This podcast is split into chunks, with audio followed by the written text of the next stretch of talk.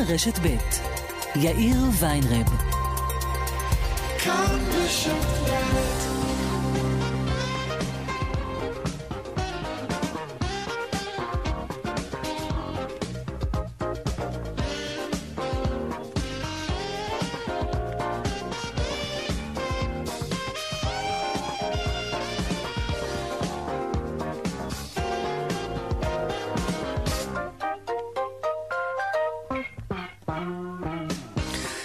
ארבע וכמעט חמש דקות, כאן צבע הכסף ברשת ב', יום רביעי, שלום רב לכם. הכי קל בעולם להתעצבן על בעל נכס שדרש ממי ששוכר את הנכס שלו לשלם לו את השכירות גם בימי קורונה. נגיד חנות בגדים קטנה שהייתה סגורה שלושה חודשים, אבל בעל הנכס אמר לבעל חנות הבגדים, מצטער, אתה תצטרך לשלם לי את השכירות כרגיל.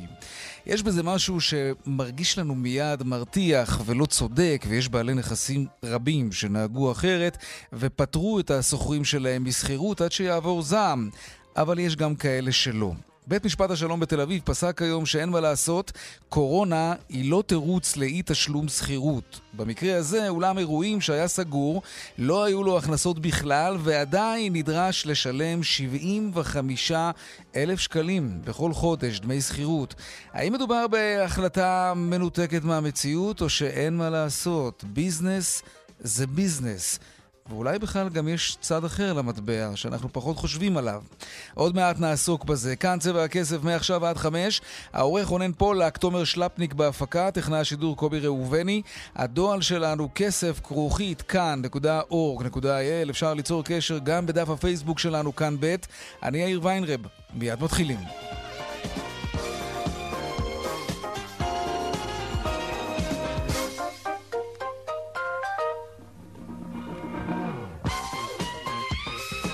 פותחים בחותרות צבע הכסף ליום רביעי. הממשלה אישרה פה אחד את הצעת החוק שתאפשר לה להורות על חידוש המעקב הדיגיטלי של שב"כ אחרי אה, חולי קורונה. בקואליציה מקווים להשלים את הליך החקיקה בשבוע הבא.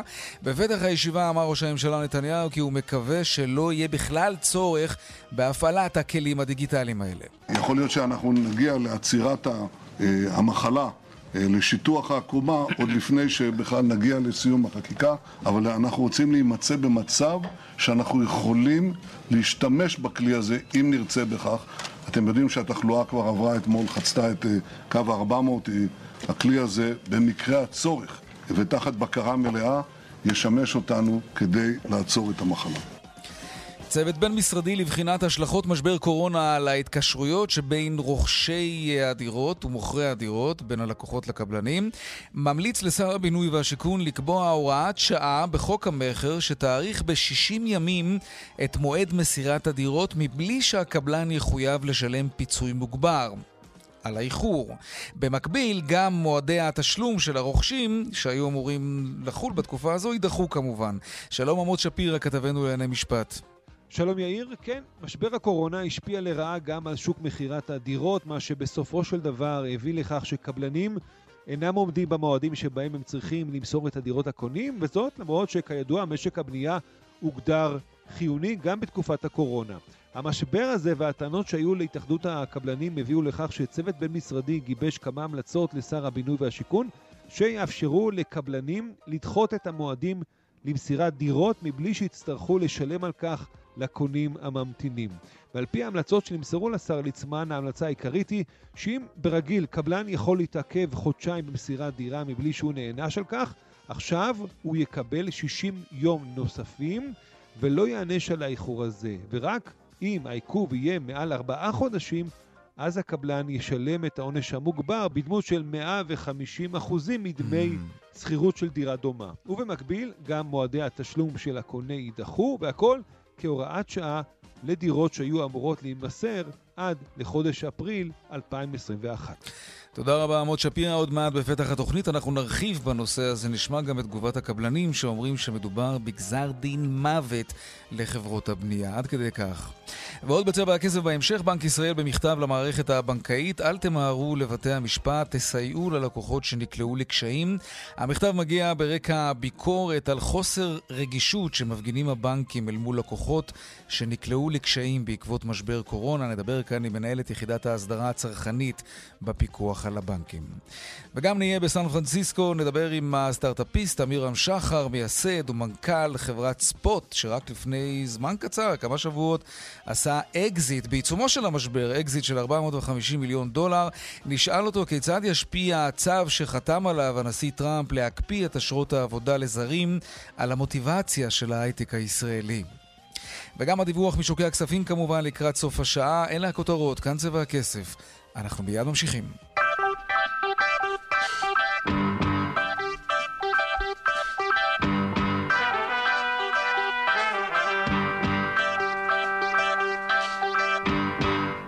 טוב, אז מה קורה אם בגלל קורונה קבלנים התעכבו במסירת הדירות החדשות שהם בונים? בתקופה רגילה, אנחנו יודעים, קבלנים מחויבים לפצות את הלקוחות שלהם על כל איחור.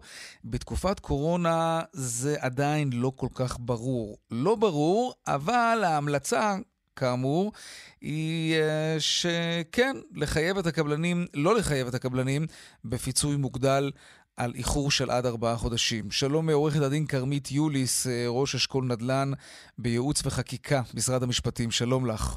שלום, צהריים טובים. אם היה משהו בולט במיוחד בתקופת קורונה, נדמה לי, לפחות זאת ההתרשמות שלי, זה שכל המדינה הייתה סגורה, ובין המעט שעוד עבדו, ועבדו במרץ, היו דווקא אתרי הבנייה. אז למה הם צריכים את ההכרה הזאת באופן גורף?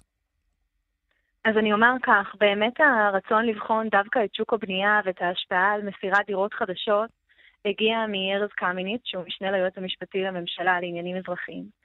אנחנו ביקשנו לבחון את התחום הזה גם בגלל ההשלכה המאוד מאוד משמעותית שלו על השוק. אנחנו יודעים שיש היקפים מאוד גדולים של דירות שמשתחררות uh, מדי שנה, ומה יהיה לגבי מועד המסירה שלהם, שזאת בערך השאלה האקוטית ביותר שמעניינת את הקונים. כן.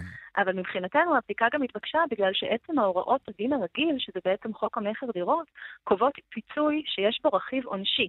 זאת אומרת, ככל שקבלן מאחר מעבר ל-60 יום במועד המסירה, מושת עליו סוג של עונש, לשלם לקונה אה, אה, דמי שכירות בשיעור של 150 אחוזים של דירה דומה, mm-hmm. ואם הוא חוצה את אותם 60 ימים, אז הפיצוי הזה חל גם מהיום הראשון. ולכן אנחנו במשרד המשפטים ביקשנו להקים צוות שיבחן את הסוגיה הזאת, כי ההבנה הייתה שבסופו של יום, משבר הקורונה, אי אפשר בגינו להטיל עונשים אה, אם בסופו של דבר יש אה, היבטים מסוימים שלא מצליחים לעמוד בדיוק בדיוק באותם אה, מועדים חוזיים שעליהם חשבו מתחילת הדרך. בגלל המגפה. אתה צודק לגמרי.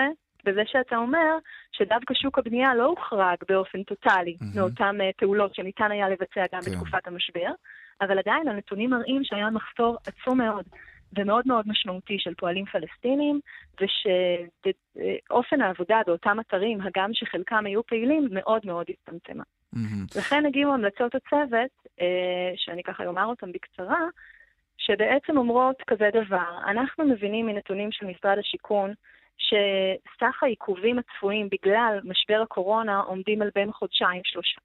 אנחנו הלכנו אמנם על הצד המצמצם, ואמרנו שנכיר בתקופה נוספת שעומדת על עוד 60 יום לאותם ה-60 שממילא עומדים לקבלן גם לפי הדין הרגיל. אז אנחנו בעצם מגיעים למניין ימים של 120 יום, שבהם לא יחול אותו פיצוי עונשי שדיברתי עליו בראשית הדברים. כן, זה ברור, אבל אני שואל את השאלה, למה לא לעשות את זה באופן דיפרנציאלי? כלומר, קבלנים שלא היו להם עובדים בגלל נגיד הסגר בשטחים, או עובדים סינים שלא באו לארץ, אז בסדר, זה ברור. אבל אתרי בנייה שעבדו בלי בעיה, והיו כאלה, למה הם צריכים את הפטור הזה, שבסופו של דבר כן פוגע ברוכשי הדירות באופן גורף? הרי גם בעל עסק היום, כשרוצה לקבל מענק מהמדינה, הוא צריך להציג הוכחה שההכנסות שלו נפגעו בעד 25 אחוזים, אני לא זוכר בדיוק בעל פה את הקריטריונים. כן, כן, כן, אני מבינה לגמרי. אה, אני אשיב. ישנם קבלנים, אני לא רוצה חלילה, כן, להוציא דיבתו של איש, אבל את יודעת, זה, זה משרת קבלנים שלא נפגעו, במה, ויש כאלה. יש אתרי בנייה שלא נפגעו לחלוטין. אז אני מיד אומר לך מה התשובה שלנו לעניין הזה, אני רק אשלים את ההסדר, שההסדר הוא לא רק 120 אה, ימים בלי פיצוי עונשי, מהרגע שקבלן חורג וחלילה מגיע לאיחור ביום ה-121, אנחנו בעצם נשית עליו את אותו פיצוי עונשי של 150% שכר דירה, החל מהיום ה-61, וחידוש נוסף שאנחנו מביאים לטובת הרוכשים, זה שאנחנו בעצם אומרים, בסדר, גם אם הקבלן לא היה אשם באיחורים בגלל משבר הקורונה, עדיין יש לנו פה עוד חודשיים, שהקונה מוצא את עצמו ככזה שצריך להמשיך ולשכור את הדירה, ואולי היו לו כל מיני התחייבויות, הוא באמת חשב שהוא יקבל את המפתח במועד אחר. כן. ולכן גם ביחס לאותם חודשיים, מהיום ה-60 עד למאה ה-20, אנחנו מחלקים את הנזק בין הצדדים, שבעבור כל חודש, חצי מדמי השכירות הקבלן בכל זאת ישלם לקונה. אוקיי. זאת אומרת, זה לא רק שהקבלנים מקבלים פה את אותו גרייס נוסף, גם בתוך חודשי האיחור, שהם בעצם חודשיים נוספים, גם שם הם מתחלקים חצי-חצי. עכשיו, לגבי מה שאתה אמרת, אני חושבת שזה עוד דבר יפה בהסדרה הזאת, ו- ולכן לדעתי היא גם זכתה אה, לקונצנזוס בתוך הממשלה, והיו פה הרבה מאוד נציגים שככה ישבו איתנו על המדוכה, זה בעצם האמירה שכל ההסדרה הזו מהווה ברירת מחדל. היום, אם אני, אלמלא התיקון חקיקה הזה, ככל שחלילה הוא לא יתקדם, אנחנו חושבים שהדין הקיים הוא לוקה בהרבה מאוד עמימות משפטית. כי יבוא קבלן, יבוא קונה ויאמר, אני רציתי לקבל את הדירה במועד החוזי, אני אטען את מה שאתה אמרת, שלכאורה באתר שלו אולי לא הייתה הצדקה לסטות מהאיחורים הרגילים, שלפי חוק המכר הרגיל. כן.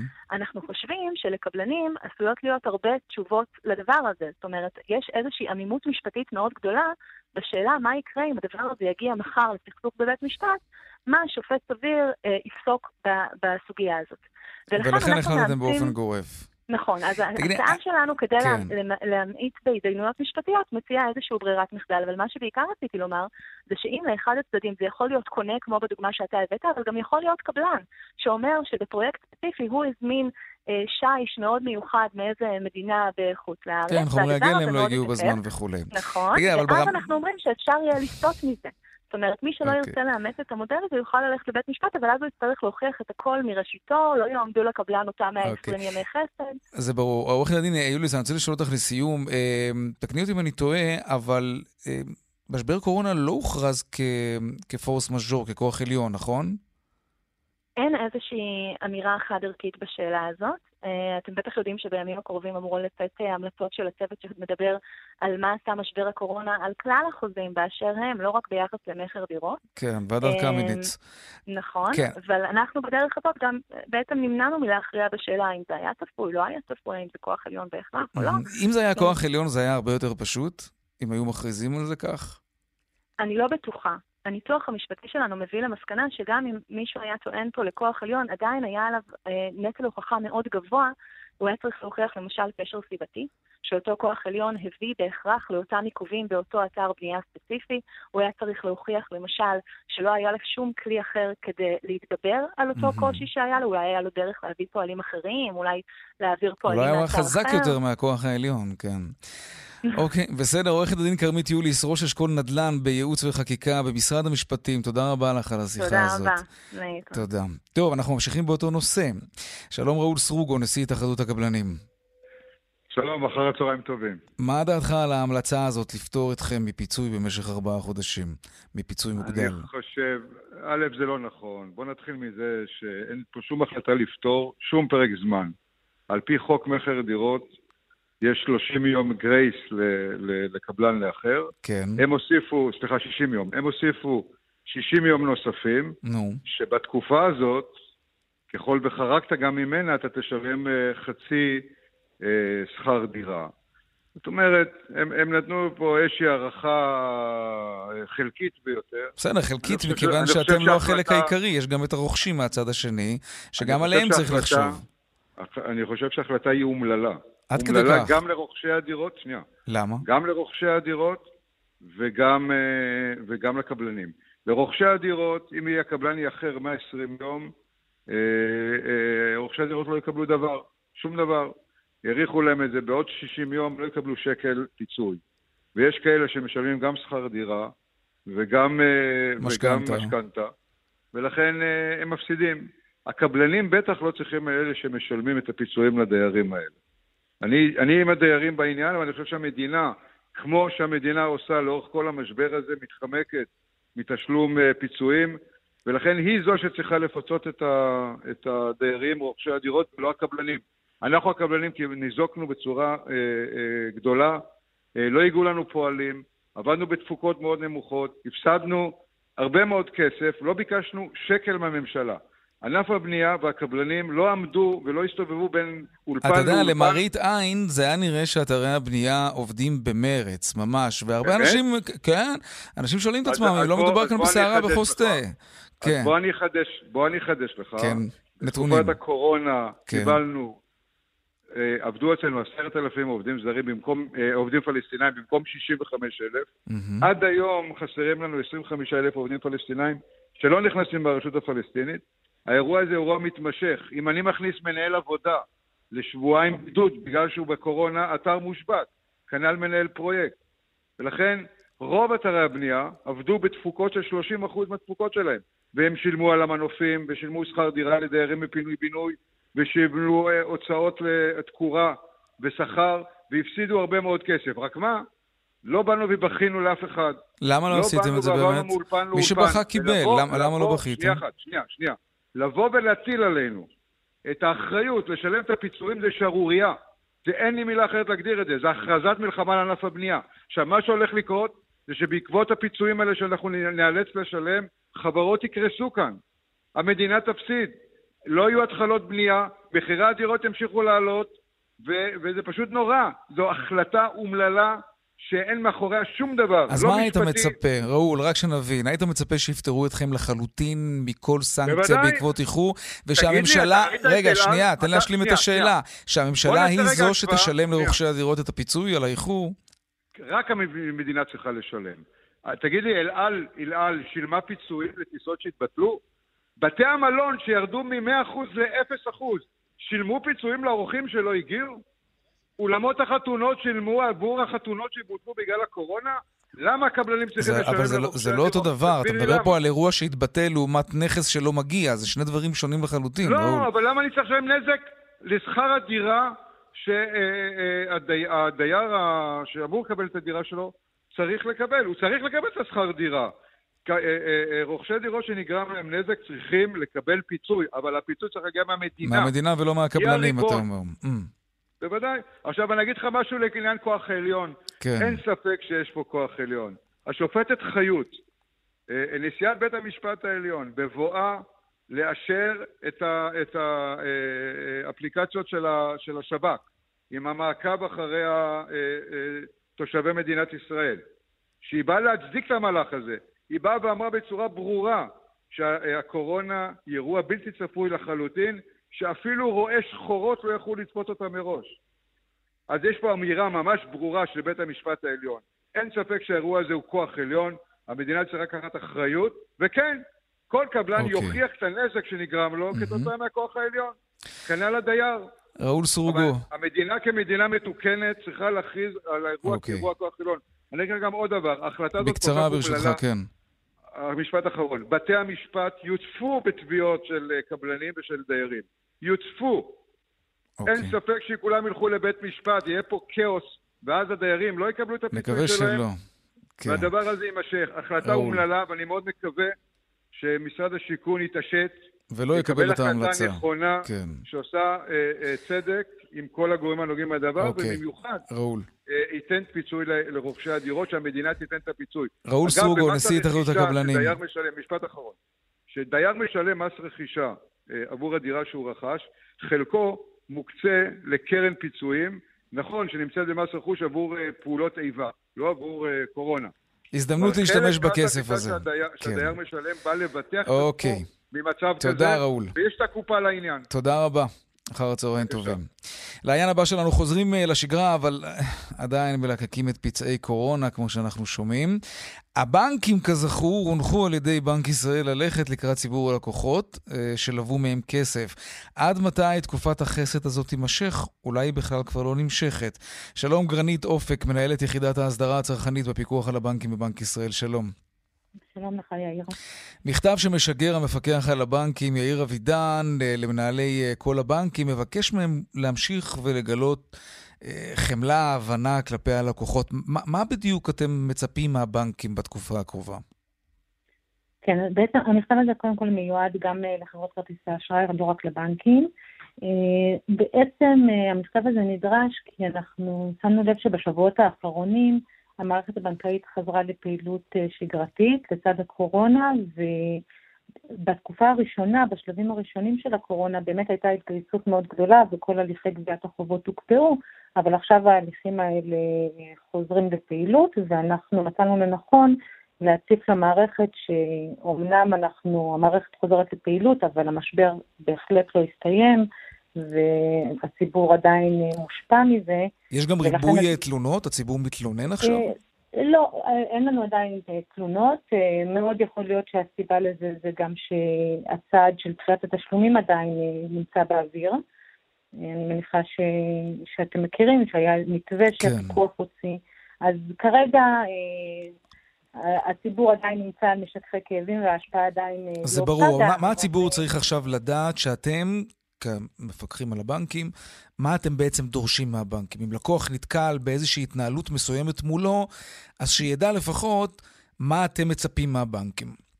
אז אני אגיד לך שגם בתקופה שבשגרה יש הנחיה של הפיקוח על הבנקים שמתעסקת בגביית חובות, ובעצם מצפה מהבנקים לנסות ולמצות את כל התהליכים, ממש את כל הדרכים ואת כל הכלים, ולהשתדל ולהימנע מלהגיע לטיפול משפטי. זה קיים גם ברגיל.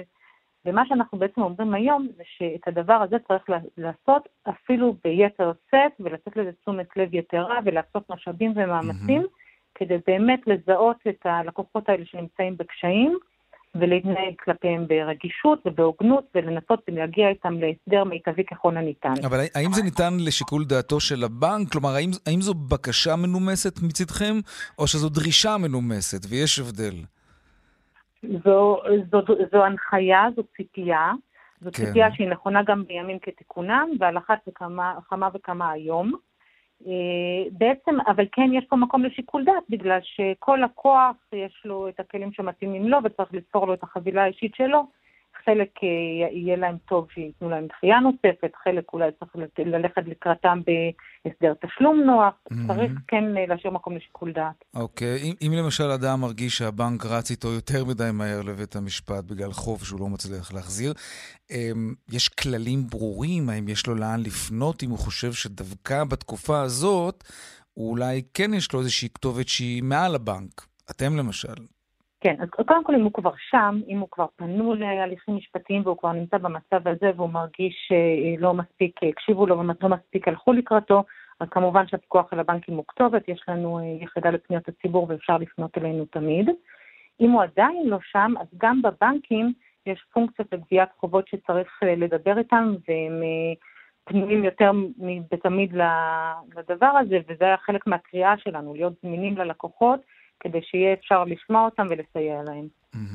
בסופו של יום, אם יש משהו שהוא שווה ערך בחשיבות שלו למצב של הלקוחות, ובזה בעצם המכתב שלכם עוסק, אה, יש גם את מצב הבנקים. אתם, אתם הרי אחראים ליציבות הבנקים. עד כמה המצב במשק מדאיג אתכם מהבחינה הזאת? האם יש סכנה ליציבות הבנקים כשאנחנו מדברים עדיין על כמעט מיליון מובטלים, שרבים מהם בוודאי ממושכנים או לקחו הלוואות כאלו ואחרות?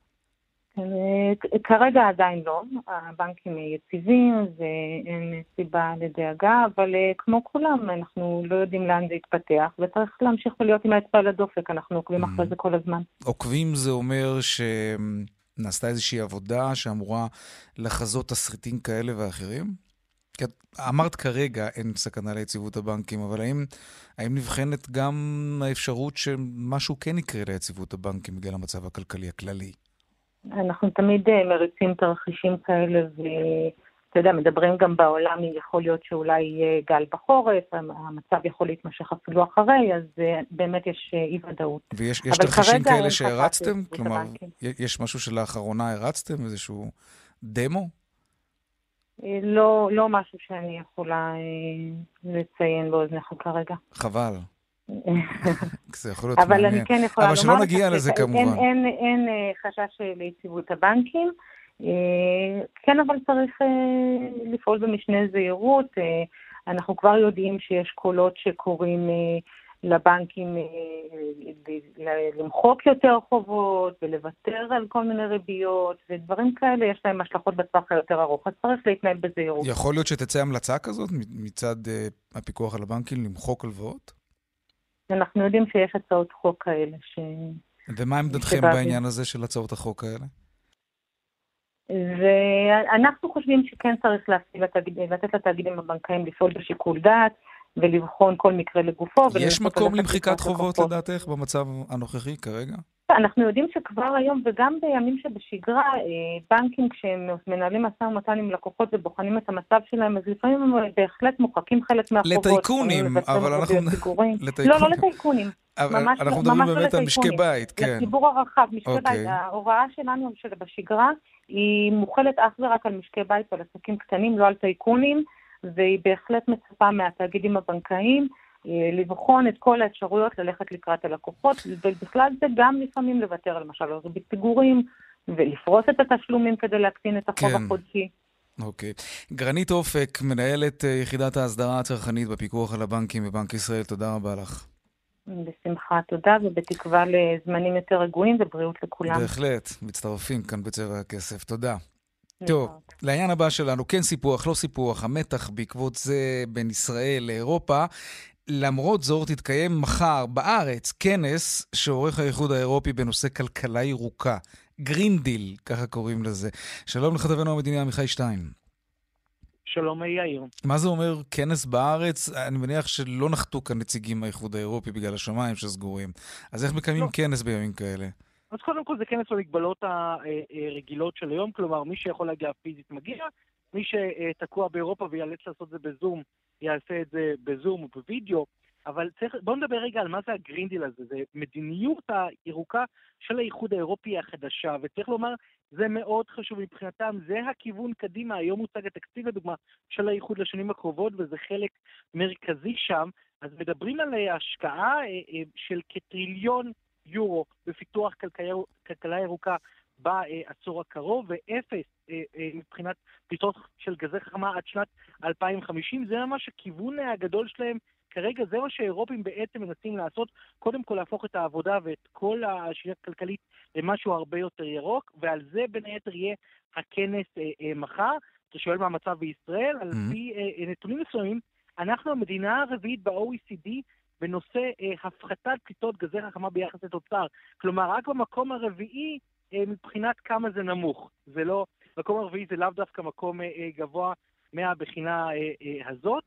ומטעמנו צריך לומר, מי שינאם שמחר זאת תהיה השרה לאיכות הסביבה גילה גמליאל, היא גם הולכת להיפגש עם שגריר האיחוד האירופי במטרה, צריך לומר, אה, דברים שהיא אמרה אה, בעת שנכנסה לתפקיד, היא בעצם רוצה לאמץ את הסטנדרטים האירופאים ליחס הסביבתי, לנסות לשפר בעצם את כל הנושא הזה, ושישראל תוכל גם היא לעמוד באותם סטנדרטים ירוקים של אירופה, מה שאירופה מנסה לעשות. בואו נשמע את הדברים שהיא אומרת לנו. עם כניסתי לתפקיד הצגתי חזון השואף להשוות את מדדי המשרד להגנת הסביבה לסטנדרטים בינלאומיים. ישראל יכולה וצריכה לתרום לשיח האזורי והבינלאומי בנושא הגנת הסביבה. הפגישה עם ראש משלחת האיחוד האירופי בישראל במסגרת פורום האקלים של השגרירות נועדה על מנת לקדם שיתופי פעולה שונים ובראשם המאבק בשינוי האקלים. אוקיי, עמיחי, הזכרנו בתחילת התוכנית, הממשלה מאשרת פה אחד את הצעת החוק אה, שתאפשר לה להורות על חידוש המעקב הדיגיטלי של שב"כ. פה אחד. נכון, פה אחד, ומה שקורה כרגע, אותה הצעת חוק תעבור לקריאה ראשונה, קריאה ועדה, קריאה שנייה ושלישית, זה כרגע הפרוצדורה, ובלשכת ראש הממשלה מדגישים שזה לא אומר שמחר בבוקר אה, האיכונים האלה מתחילים לעבוד, אלא בעצם מה שיוצרים פה זה את אותה תשתית חוקית שתאפשר להפעיל את האיכונים אם וכאשר. כלומר, אה, אה, ליצור משהו שאמור לקחת את הזמן, בעצם ליצור את התשתית אה, אה, אה, החוקית כדי לבוא ולהפעיל את הדבר הזה, וצריך לומר, יש כל מיני מגבלות, אמורה להיות אה, אה, ועדת שרים שתפקח, הממשלה היא שתקבל אה, את ההחלטה מתי להתחיל ומתי להפסיק. אה, והערה האחרונה, אנחנו יודעים איזה לא מעט ביקורת, אה, טוענים שישר רצים לשב"כ, בעוד אה, קצת תנחו את הנושא אה, של האפליקציה האזרחית, אז במשרד המודיעין כן מנסים לפתח אפליקציה כזאת, אבל אה, כמו המגן אחד שהיו בו לא מעט תקלות, מנסים עכשיו את המגן 2, אבל מעריכים ש... כן. לא לפני אמצע יולי, אולי יותר מאוחר, בכלל תהיה אפליקציה אזרחית כזאת. עמיחי שטיין, כתבנו המדיני, תודה רבה על הדיווח הזה. תודה. דיווחי תנועה עכשיו. בדרך הרחוב צפונה עמוס ממחלף חוף השרון עד וינגייט וממחלף חבצלת עד ינאי ובדרך שש צפונה עמוס ממחלף קסם עד מחלף אייל וממחלף עירון עד עין תות. בגאה צפונה עמוס ממחלף גנות עד גאה, דרומה ממחלף גאה עד בר אילן. דיווחים נוספים בכאן מוקד התנועה, כוכבי 9550 ובאתר שלנו, אתר התאגיד, אתר כאן, פרסומות, ומיד אנחנו חוזרים עם עוד צבע הכסף. 24 דקות לפני השעה 5, בית משפט השלום בתל אביב קבע כי בעלים של אולם אירועים יכול לפנות את מפעיל האולם שלא שילם לו דמי שכירות בתקופת קורונה. כלומר, מפעילי האולם לא היו פעילים עסקית בתקופה האחרונה בגלל המגפה, אבל למרות זאת, הם מחויבים לשלם את דמי השכירות. האם מדובר בהחלטה מנותקת מהמציאות או שאין מה לעשות? ככה זה. שלום עורך הדין רונן יקותיאל, בא כוחה של בעלת הנכס, שלום לך. שלום. בעצם כשפרצה המגיפה והמשק נסגר, באו מפעילי אה, אולם האירועים הזה אל, אל, הסוח, אל אלה ששוכרים, אל הלקוחות שלך, ואמרו להם, אנחנו מצטערים, אנחנו לא יכולים לקיים אירועים, אין לנו הכנסות ואנחנו לא יכולים לשלם שכירות. ככה זה היה? מה שהיה, זה כשבסוף חודש מרץ אה, שלחו אה, הסוחרים מכתב כן. לבעלת הנכס, מכתב חד צדדי, מבלי שנעשתה כל פנייה לפני זה, והודיעו שפשוט הם לא מתכוונים לשלם את דמי השכירות. הם לא ביקשו הפחתה, הם לא ביקשו פריסה, הם פשוט ביקשו לא לשלם. ומשם העניין החל להתגלגל, אה, היו כמה פגישות שבהן ניסינו להגיע לאיזושהי הסדרה של הנושא, אה, ובפגישות האלה שום דבר לא צלח. ולכן אה, הגשנו תביעה לפינוי המושכר מטעם בעלת mm-hmm. הנכס, וממש אתמול ניתן פסק הדין בעניין. והפסק דין בעצם קובע שבעלי הנכס יכולים לפנות את השוכרים. אכן, פסק הדין קבע שעד ה-30 לשביעי הסוחרים בנכס צריכים להתפנות משם. תגיד, ברמה העקרונית, אם, תראה, אם, אם מדובר בעסק שמנוהל באופן כושל ובגלל זה הוא לא יכול אה, להרוויח וגם הוא לא יכול לשלם שכירות, אז ברור שבעל הנכס יחפש שוכרים אחרים ויש לו את כל הזכות שבעולם לעשות את זה. אבל במצב כזה של קטסטרופה גלובלית, כן? האם זה נכון, האם זה מוסרי לדרוש שכירות מעסק שסגור בגלל צו ממשלתי? אין להם הכנסות, מדובר ב-75 אלף שקלים בכל חודש, שכירות. תראה, יאיר, צריך לזכור פה דבר אחד. אה, בעלת הנכס משלמת גם היא משכנתה על הנכס שהיא רכשה. גם לה יש הוצאות, והיא המשיכה לשלם את המשכנתה. המשכנתאות לדעתי אז... הוקפאו לשלושה חודשים. לא משנה, המשכנתאות הוקפאו, אבל... אז אפשר היה לפחות את זה, אתה יודע, לבוא לומר לסוחרים, יש לכם עכשיו grace של שלושה חודשים, כי אנחנו מקבלים grace של שלושה חודשים מהבנק. באופן גורף, כן? בנק ישראל הורה לא, לכל אבל, הבנקים. אבל, אבל צריך, צריך לדעת ולהבדיל, המילה grace היא לא מילה שאומרת ויתור, היא אומרת פריסה עתידית עם ריבית. הבנקים לא, לא ויתרו לבעלי הנכסים על, על תשלום המשכנתה, הם פשוט דחו אותה. הם דחו את זה בשלושה חודשים, אז למה במקרה הזה? בואו תדחו גם להם בשלושה במקרה חודשים. במקרה הזה בעלת הנכס ניסתה בכל כוחה גם לדחות וגם לפרוס למספר תשלומים מאוד מאוד גדול וארוך. ולא עזר? והסוחרים, הדרישה היחידה שלהם הייתה שדמי השכירות פשוט לא ישולמו, וזה לא היה בא בחשבון. Mm, טוב, נאמר רק שביקשנו לדבר גם עם הסוחרים, אבל הם העדיפו שלא להתראיין במקרה הזה. תגיד, האם ייתכן שאנחנו נראה בעתיד חוזים שבהם אה, יוכנס מה שנקרא, אני יודע, סעיף קורונה, סעיף. מגפה, ובו יוסכם, סליחה, שאם בגלל מגפה העסק סגור, לא תשולם שכירות בתקופה הזאת. כי, כן, כי הבעיה כן. הזאת היא נקודתית, כן? אבל היא, היא לא נקודתית בעצם, אנחנו מדברים על סיפור נקודתי, אבל התופעה היא תופעה רחבה מאוד. יאיר, אני יכול להגיד לך שכבר עם פרוץ המגפה ועם המחלוקות שהחלו בין הסוחרים למזכירים, ישבנו במשרד וניסחנו סעיף שהוא אה, ייחודי ושכל עניינו עוסק בנושא הקורונה ובנושא מגפות ומלחמות ועניינים שקשורים בכוח עליון, כדי שהדברים האלה יהיו כתובים ולשני הצדדים יהיה את הידע מה הם עושים במקרה כזה. Mm-hmm. אם להפחית את דמי השכירות ב-50%, אם לפרוס אותם, אם אה, לא לשלם אותם, אבל שיהיה ביניהם את, ה, את הידע והמידע בתוך ההסכם שקובע מה עושים במצב כזה. אוקיי. Okay. תגיד, אני רוצה רגע להחזיר אותך לאחד המשפטים הראשונים שאמרת, כי לפעמים אומרים שהגישה לפעמים עושה את ההבדל בין שמיים וארץ. אם, לא, אם, אם הסגנון של המכתב, כמו שאתה תיארת אותו, כן, אנחנו לא שמענו את זה מהסוחרים, אבל אם לא היה נשלח מכתב שבו אה, לא מנוסחת בקשה, אלא פשוט הודעה, אנחנו לא משלמים מהיום והלאה עד אשר אה, תחלוף המגפה. אם הסגנון היה אחר, יכול להיות שהסיפור היה נגמר אחרת? יכול להיות שכן, אבל זה לא המצב. אבל יכול להיות שכן, כי אה, במשרד שלנו אנחנו מייצגים גם סוחרים וגם מזכירים, ואני יכול כן. להגיד לך שמכל אה, המחלוקות שהיו, זו המחלוקת היחידה שהגיעה לבית המשפט. כל שאר המחלוקות הסתיימו בפגישה אחת שבה הגענו להסכמות עם הצדדים, ו- ו- ו- ופשוט הצדדים המשיכו לדרכם, כל צד כן. ספג קצת והמשיך לדרכו. אוקיי. במקרה הזה זה לא מה שקרה, וחבל.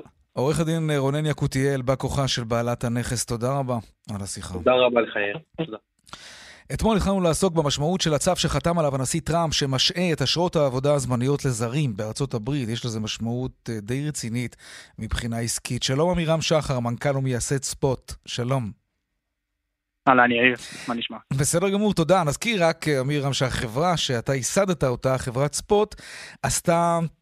לפני כמה שבועות בעיצומו של משבר אה, קורונה, אקזיט של 450 מיליון דולר, חברת אה, NetApp האמריקנית רכשה אותה.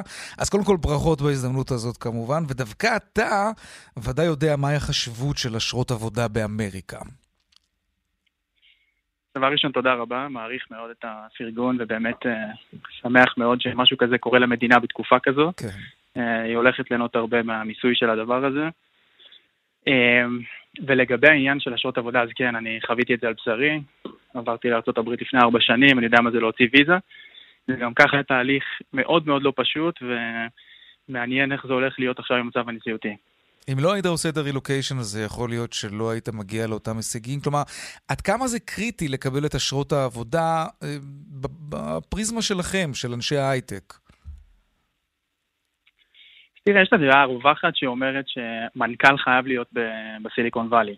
כי אתה מגייס כסף מהקרנות הגדולות, אתה פוגש את הלקוחות נכון, יום-יום כן. בסיליקון וואלי, וזה זה מאוד חשוב. אני חושב שאם לא הייתי בארצות הברית, זה היה משנה אה, בצורה די משמעותית את הסיכויים שלנו להצליח אה, בהתחלה. אה, היום אני חושב שהעולם הוא קצת יותר גלובלי, אני רואה מנכ"לים שחיים על מטוסים, כמובן שבעידן אה, מגפה זה פחות אה, רלוונטי, אבל נכון.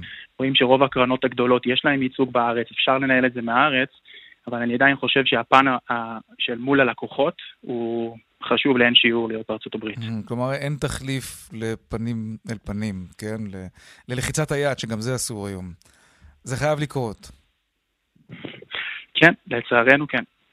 אוקיי.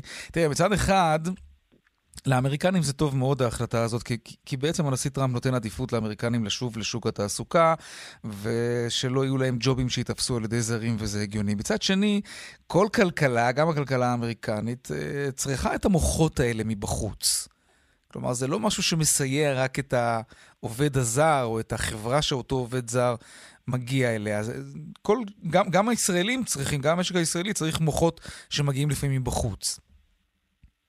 בדיוק, אני חושב שזה מאוד נאיבי לצאת בהצהרה שאם לא יגיעו אה, מהגרים, אז זה אומר שיש יותר סיכוי לאמריקאים לקבל אה, עבודה.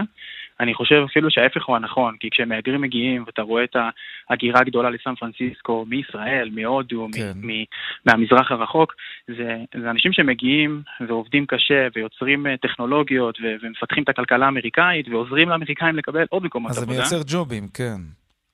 לחלוטין. כשמדברים כאן בארץ בהרבה הזדמנויות על מוחות ישראלים שעוזבים את הארץ ושצריך להחזיר אותם, אז ע- עכשיו אולי תהיה פחות בעיה בהיבט הזה, לא? כלומר, השאלה אם המוחות האלה לא יתבזבזו כאן בארץ, כשהמשק, או שהמשק הישראלי כן ידע להשתמש בהם. כן, אני בטוח שפסיכולוגית אה, זה כרגע יוריד את, ה, את הרצון ואת ה, את הדחיפה לעשות אולי תהליך של בקשות אה, ויזה, שהוא גם ככה יאיר, הוא תהליך יקר, הוא תהליך מייגע, הוא תהליך שאתה לא, שיש לך המון אה, חשש לגביו. ואתה יודע, אם, אה, זה, זה לפי דעתי משהו שיוכל אולי לתרום בסוף ל, ל, לכלכלה בישראל. כן. המוחות יישארו כאן וימצאו כאן עבודה ו... אז אולי אפילו נרוויח מזה מקרה. משהו. טוב, תאר לנו קצת מה קורה בסן פרנסיסקו. איך זה נראה שם עכשיו? אה, עדיין אה, כאן כולם ברוח המגפה, אז עדיין אנשים בבתים, זה ממש עיר רפאים, אבל מתחילים קצת to open up טיפה מסעדות, טיפה מקומות אה, בילוי, אה, אבל אני יכול להגיד שהתושבים בסן פרנסיסקו מאוד אה, נשארים בבתים. כן, וכשיוצאים, אז גם להם יש את הכללים עם המסכות והריחוק החברתי? אז בסן פרנסיסקו, העירייה לא אוכפת בצורה אקטיבית את העניין של המסכות, לא? אבל אני יכול להגיד לך שנגיד בסופי שבוע סוגרים רחובות שלמים מרכבים שייסעו בהם, ופשוט כדי שיהיה social distancing לאנשים ללכת. אה. מאפשרים יותר אה, כלים ל-social distancing מאשר אה, לאכוף את זה.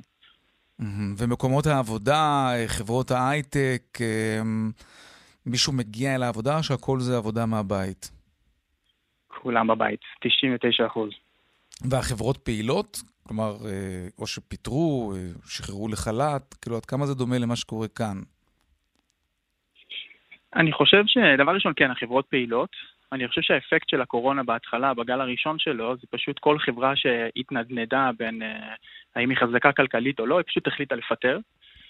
אה, ולאט לאט פשוט המימדים של, ה, של הקורונה ככה התבהרו, ואתה רואה היום שחברות פשוט ממשיכות לגייס, יש חברות שכן נפגעו, נגיד בעסקים של טראבל ופאן, דברים כאלה, הם בהחלט במקום אה, מאוד בעייתי. Mm-hmm. אבל היום אנחנו רואים די business as usual. אה, כן? ופיצויים מהממשל מגיעים מהר?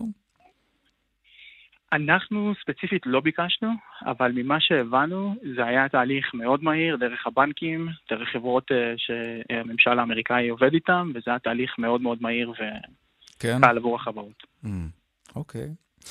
אמירם שחר, מנכ"ל ומייסד חברת ספוט, שיחה מסן פרנסיסקו, תודה רבה. ובהצלחה. שהמשך יום נעים. תודה, להתראות.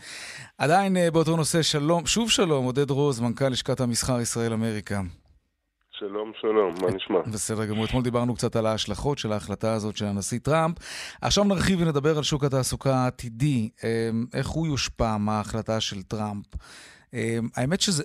האמת ששוק התעסוקה העתידי לא יושפע בגלל ההחלטה של טראמפ, אלא יושפע בגלל מגפת קורונה קודם כל, לא? קודם כל, מגפת קורונה בהחלט אה, משפיעה על, שוק התעסוקה העתידי. זה, זה תחום שהלשכה עוסקת בו כבר אה, כמעט שנתיים עם חברות הלשכה, בעיקר חברות הענק שנמצאות פה בארץ, האמריקאיות כן. והישראליות. ואנחנו אה, הסתכלנו על זה עוד לפני המגפה, וראינו שכל השינויים הטכנולוגיים שנכנסים, אם זה בינה מלאכותית, אם זה אוטומציה, אם זה רובוטיקה, אה, משנים עד לבלי הכר בחלק מהמקרים את העבודה שאנחנו עושים. אה, אם זה, אם זה נהגים שמתישהו יתחילו לצאת מהעבודה, אם זה קופאיות בסופרמרקטים שאנחנו כבר רואים, אם זה פקידי בנק וכן הלאה. ועוד הרבה הרבה הרבה מקצועות אחרים, רופאים, עורכי דין, רואי חשבון, המון מקצועות שהולכים ומשתנים בגלל השינויים הטכנולוגיים. ואיך אנחנו כתעשייה מתכוננים לזה.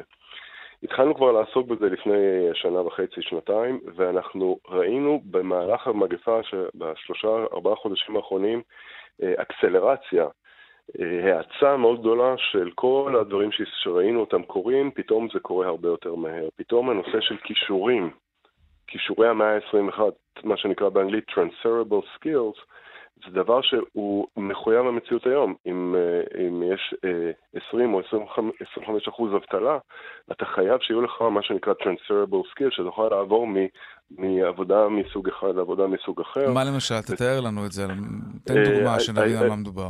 אוקיי, אז למשל, כל הנושא הזה של אפשר, הצגה, של דברים, של נושאים, אה, נושא של עבודת צוות, אמפתיה, אה, יכולת לקחת סיכונים, סקרנות, כל הנושאים האלה, אתה בדרך כלל לא מציין אותם ברזומה שלך, אבל אלה הנושאים, אלה הסקילס, הכישורים והמיומנויות המאוד מאוד חשובים במאה ה-21, הם גם נקראים ככה, המיומנויות של המאה ה-21. ואנחנו, אה, אנחנו לא היחידים, אבל אנחנו מובילים איזשהו מאמץ משותף לנו, למגזר הפרטי ולמגזר הציבורי, אה, לנסח שפה משותפת בדברים האלה. אה, לייצר אה, תוכניות הכשרה שכוללות גם את אותם transferable skills, שאפשר להעביר אותם מתחום לתחום, משלב לשלב בחיים. מדברים על זה עכשיו גם במערכת החינוך, למשל, אנחנו עובדים עם משרד החינוך, אנחנו עובדים עם הצבא, אנחנו עובדים עם האוניברסיטאות, עם המל"ג ות"ת. אנחנו עובדים עם, עם המעסיקים כן, אם תוכל לתת לנו איזושהי דוגמה, כדי ש... כלומר, ברמה הכותרתית, אנחנו מבינים שזה גם מרגיש כמו משהו מאוד חיובי, אבל תן לנו איזושהי דוגמה מעשית, למה בדיוק אתם חותרים בסיטואציה כזאת או אחרת? אנחנו חותרים ש, שבן אדם יכול כן. לפתח את עצמו. חוץ מ, אה, מידע ספציפי שהוא רוכש, למשל הנדסה או עריכת דין, כן. שיוכל לפתח את הכישורים הנוספים האלה וגם לדעת איך למדוד אותם. היום אתה לא, קשה לך למדוד מה זה לקיחת סיכונים. לקיחת סיכונים, יזמות, זה דבר שהוא, אה, שהוא מצרך מאוד מבוקש היום, אוקיי? אה, הוא גם, הוא, יש מקומות שהוא מבוקש יותר, אוקיי? ויש אה, מקומות שהוא מבוקש פחות, אוקיי? Mm-hmm. בצבא למשל אתה רוצה שאנשים יקבל, יקבלו אה, הוראות במידה מסוימת ויבצעו אותם, אבל במקומות אחרים אתה רוצה שאנשים אה, כן ייקחו יוזמה, אז אתה רוצה לדעת למדוד את זה, אתה רוצה. לדעת אה, אה, איך לתאר את זה. בכל מקום מסתכלים על זה אחרת. אתה צריך לייצר איזו שפה משותפת, או לפחות דרך שגוף אחד יבין מה גוף אחר בצבא. החיילים משתחררים מהצבא, שהם יוכלו כן. לבוא להגיד למקום עבודה, תקשיב, אני, אני רכשתי כישורים של מנהיגות, של לקיחת סיכונים, שזה יכול לעזור לי עכשיו בעבודה שלי, mm-hmm. שאני נכנס להייטק. ובלי קשר אם אני עורך דין או רואה חשבון, כלומר אלו מיומנויות נפרדות מעבר למקצוע שלי. נכון מאוד, כן. יש מיומנויות של ידע ויש כן. מיומנויות של כישורים. Mm-hmm. וזה שני דברים שונים, ומאוד מאוד צריכים אותם לעבודות בעתיד של המאה ה-21. והנושא של הקורונה מאוד מאוד האיץ את הסיפור הזה. כן, כך זה נראה. זו דוגמה אחת. עודד רוז, מנכ"ל לשכת המסחר ישראל-אמריקה, תודה רבה לך על הדוגמה הזו. בשמחה, כל טוב. דיווחי תנועה עכשיו. דרך 67 מזרח העמוסה ממחלף בית בת שלמה עד אה, מחלף אליקים, באיילון צפון העמוס ממחלף חולון וקיבוץ גלויות עד מחלף השלום וממחלף ההלכה עד קק"ל. דרומה יש עומס ממחלף רוקח עד לגוארדיה, בדרך 444 צפון העמוס מצומת אייל עד אה, צור יצחק. דיווחים נוספים בכאן מוקד התנועה, כוכבי 9550 ובאתר שלנו אתר התאגיד אתר כאן. פרסומות ומיד אנחנו חוזרים עם הדיווחים משוקי הכספים. עוד לפני הבורסה, שלום עמית תומר, מגישת המוסף בשביל הכסף בחדשות הערב. שלום יאיר. היום אתה עסקי בהכרזה בשבוע שעבר של שר התקשורת על כך שהוט לא חייבת לפרוס סיבים אופטיים בכל רחבי הארץ. נכון, שמענו אה, אתמול את שר התקשורת באילת אה, משווה את אה, מדינת ישראל לפרארי בלי כביש מהיר.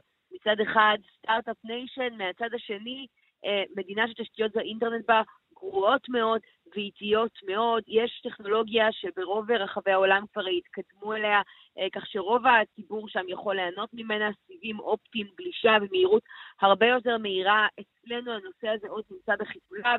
יש שלוש חברות אה, שפורסות אה, כן. סיבים בישראל, אבל בפועל רק לרבע מהאזרחים יש אפשרות כיום להיות מחוברים לסיבים האופטיים. משרד התקשורת, כמו שאמרת, ביטל אה, את החובה, או עומד לבטל את החובה של הוט ובזק מפריסה אוניברסלית, פריסה בכל רחבי הארץ, כי עד היום הם לא נכנסו לשוק הזה כדי לא להצטרך להגיע למקומות שלא כלכלי עבורם לפרוס סיבים ולקדם לאינטרנט יותר מהיר. מצד אחד זה אומר שיותר מאיתנו יוכלו כנראה לעבור לטכנולוגיה הזאת בקרוב, מהצד השני, מה יהיה על הפריפריה. על הערים המבודדות, על יישובי יהודה ושומרון, שם כבר היום תשתיות האינטרנט רעועות יותר מביחס למרכז. בואו נשמע דברים שאמרו לנו על זה יניב קוריאט, מנכ"ל הטכנולוגיות בסלקום, ואיציק בנבנישתי, מנכ"ל פרטנר, פגשנו את שניהם על זה שהתהליך הזה אמנם קורה, אבל עוד ייקח זמן עד שיגיע לכל בית בישראל.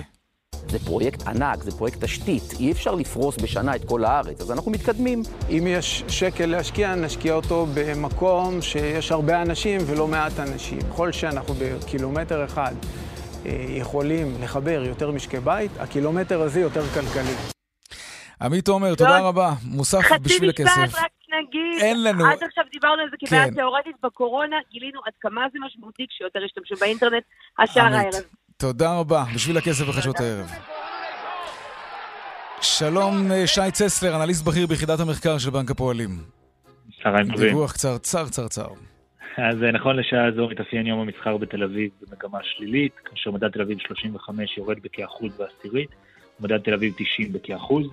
בין המניות הבולטות בתל אביב 35, עזריאלי בולטת לחיוב עם עלייה של כ-2.1 אחוזים, ומנגד מניית הפניקס יורדת ב-5.8 אחוזים. כן. עם פתיחת מסחר אה, בוול סטריט הירידות מתונות במעט משגולמו בחוזים. נסיים במטח.